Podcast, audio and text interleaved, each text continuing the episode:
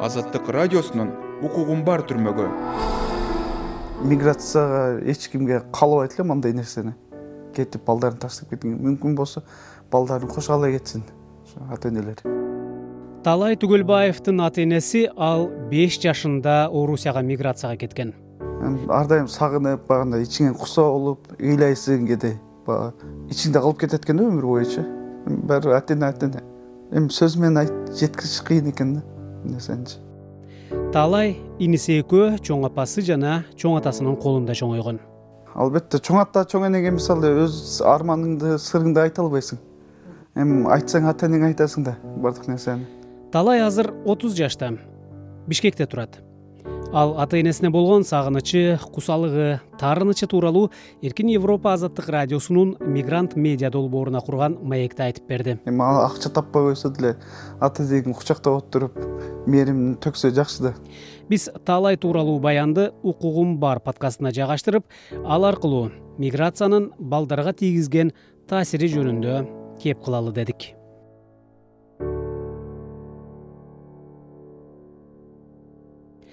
ата энеге болгон сагыныч кусалык таарыныч. Таалай азыр деле ушундай сезимдер менен жашайт. Эми токсонунчу жылдын аяктары болуп калат. Мисалы мындайча айтканда эми мен жакшы эсимде жок да ал кезде биз жаш болчубуз ошол кезде биз ош шаарында жашачубуз неме кылып. Кийин эми турмушка байланыштуу ата энем россияга кеткенге неме болду? Түрткү болду биз чоң ата чоң энебиздин немесине айылда калганбыз. Ал кезде таалай беш иниси үч жашта эле. Мектепте эми ал көнүмүш эле адат болчу эми. Баарыбыз эле ата энелерибиз баарыбыз эле россияда мисалы айылда. Ал убакта эми биздин поколение мисалы менин классташтарымдын ушу жетимиш сексен пайызы баары эле ата энеси россияда. Ал убакта эми көнүмүш даже мугалимдер россияга барып неме ошол убакта адамдардын психологиясы окубай эле койгула россияга барып иштейсиңер деген сөздөр жүрчү мектептерде делечи мектепте мисалы мугалимдер деле калбай калган учурлар болгон кийин. Таалайдын ата энеси балдарды өздөрүнүн жанына алууга аракет кылган.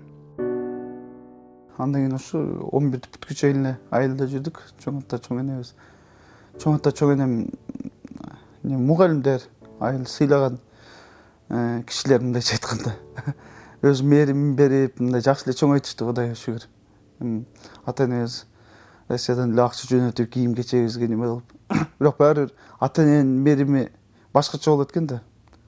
Чоң ата чоң эне деле мээрим берет экен негизичи эми ошол жаш кезимди эстеп калат экенсиң ошондой нерселерчи.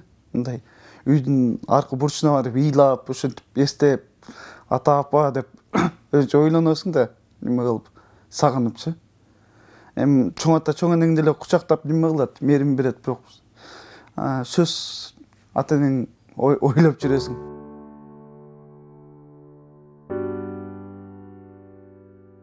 Эми балдардын социалдык абалдары түшүп кеткен деп ойлойм да ошол кезде.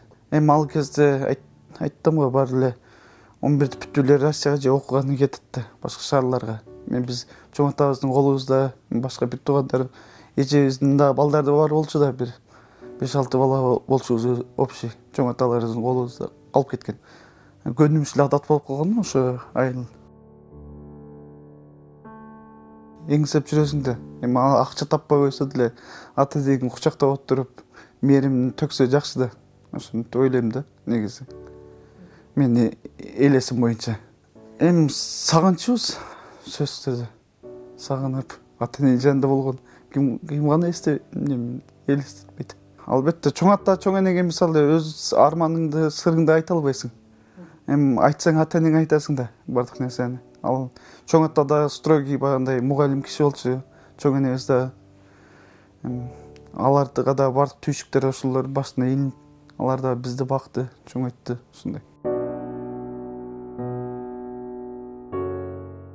таалай сегиз жашында анын апасы жол кырсыгынан орусияда каза болгон. Атасы көп жылдар бою депрессиядан чыга алган эмес. Эми андан кийин атам калды. Атам мындай өзүң агам катары болуп калат экен да эми жаш кезиңде. Аны айда жылда бир көрүп кайтып келип кетип ошентип жүрсөчү ага сырыңды айта албай чоңойгондон кийин баягы өзүң бир тууган агаңдай ушундай көрүп калат экенсиң да. Эми азыр баарыбыз чоңойдук акыл эске жакшы жетилдик. Эми негизи азыр жакшы эле баягы бири бирибизди түшүнбөстүк болот. Таалай түгөлбаев институттагы окуусун аягына чыгара алган эмес. Азыр бишкекте турат. Өзүнүн чакан устаканасында пластик айнектерди жасап үй бүлөсүн багат. Өзү да ата болгон. Өзүмдүн эки кызым бар. Буюрса э, бирөө эки жарым жашта. Экинчиси жаңы эле төрөлдү бир ай болоюн деп калды буюрса кыздар менен ойноп эртең аларды көтөрөм эшикке чогулуп чыгабыз ушинтебиз эми жаш балдарга эмне жетпесе ошону кылат экенсиң да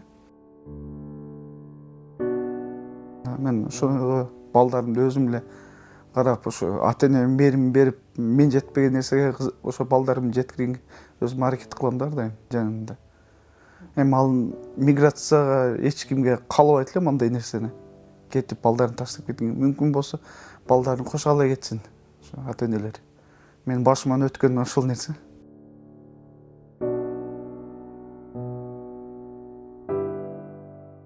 Адистер бала эң аз дегенде алгачкы сегиз жашка чейин ата энеси менен бирге болгону өтө маанилүү дешет.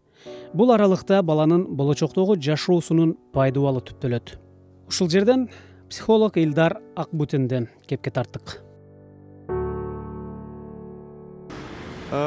у детей есть некоторые базовые потребности. Балдардын өзүнүн табигый муктаждыктары бар. Психология боюнча балдар камкордукка коргоого мээримге муктаж. Балким байкасаңар керек бир жаштан үч жашка чейинки бала дайыма чуркап барып апасы же атасы жанындабы же жокпу деп текшерип турат. если он рядом все хорошо. Если нет эгер жанында болсо көңүлү тынчый түшөт. Эгер жок болсо тынчсыздана баштайт. Кыжаалат болот. Башкача айтканда балдар өзүнүн табигый муктаждыгын камсыздай албаса алар травма алат жана канааттанбаган сезимдер пайда болот. Мисалы чочулоо коркуу жалгыздык капалануу сезимдери пайда болот.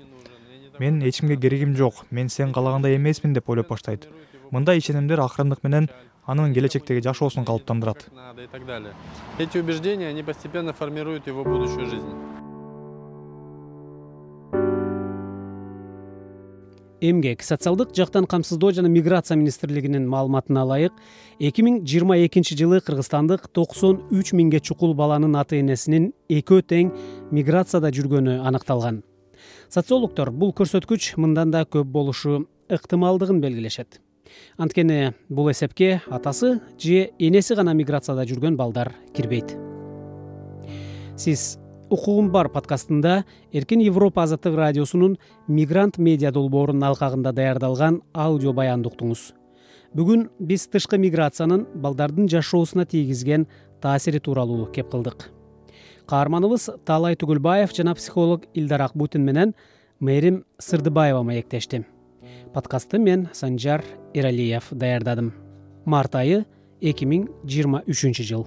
Азаттык радиосун интернеттен угуңуз биздин берүүлөрдү радио толкундардан таппай калдыңызбы? Күндүн жыйынтыгын эми ютубтагы азаттык деген каналда. Google apple жана spotifydагы подкаст аянтчаларында сунуш кылабыз. Азаттыктын тиркемесинен жана телеграмдагы азаттык аудио деп аталган каналдан да оңой эле уксаңыз болот. Кыргызстандагы жана дүйнөдөгү окуяларга ортоктош болуңуз.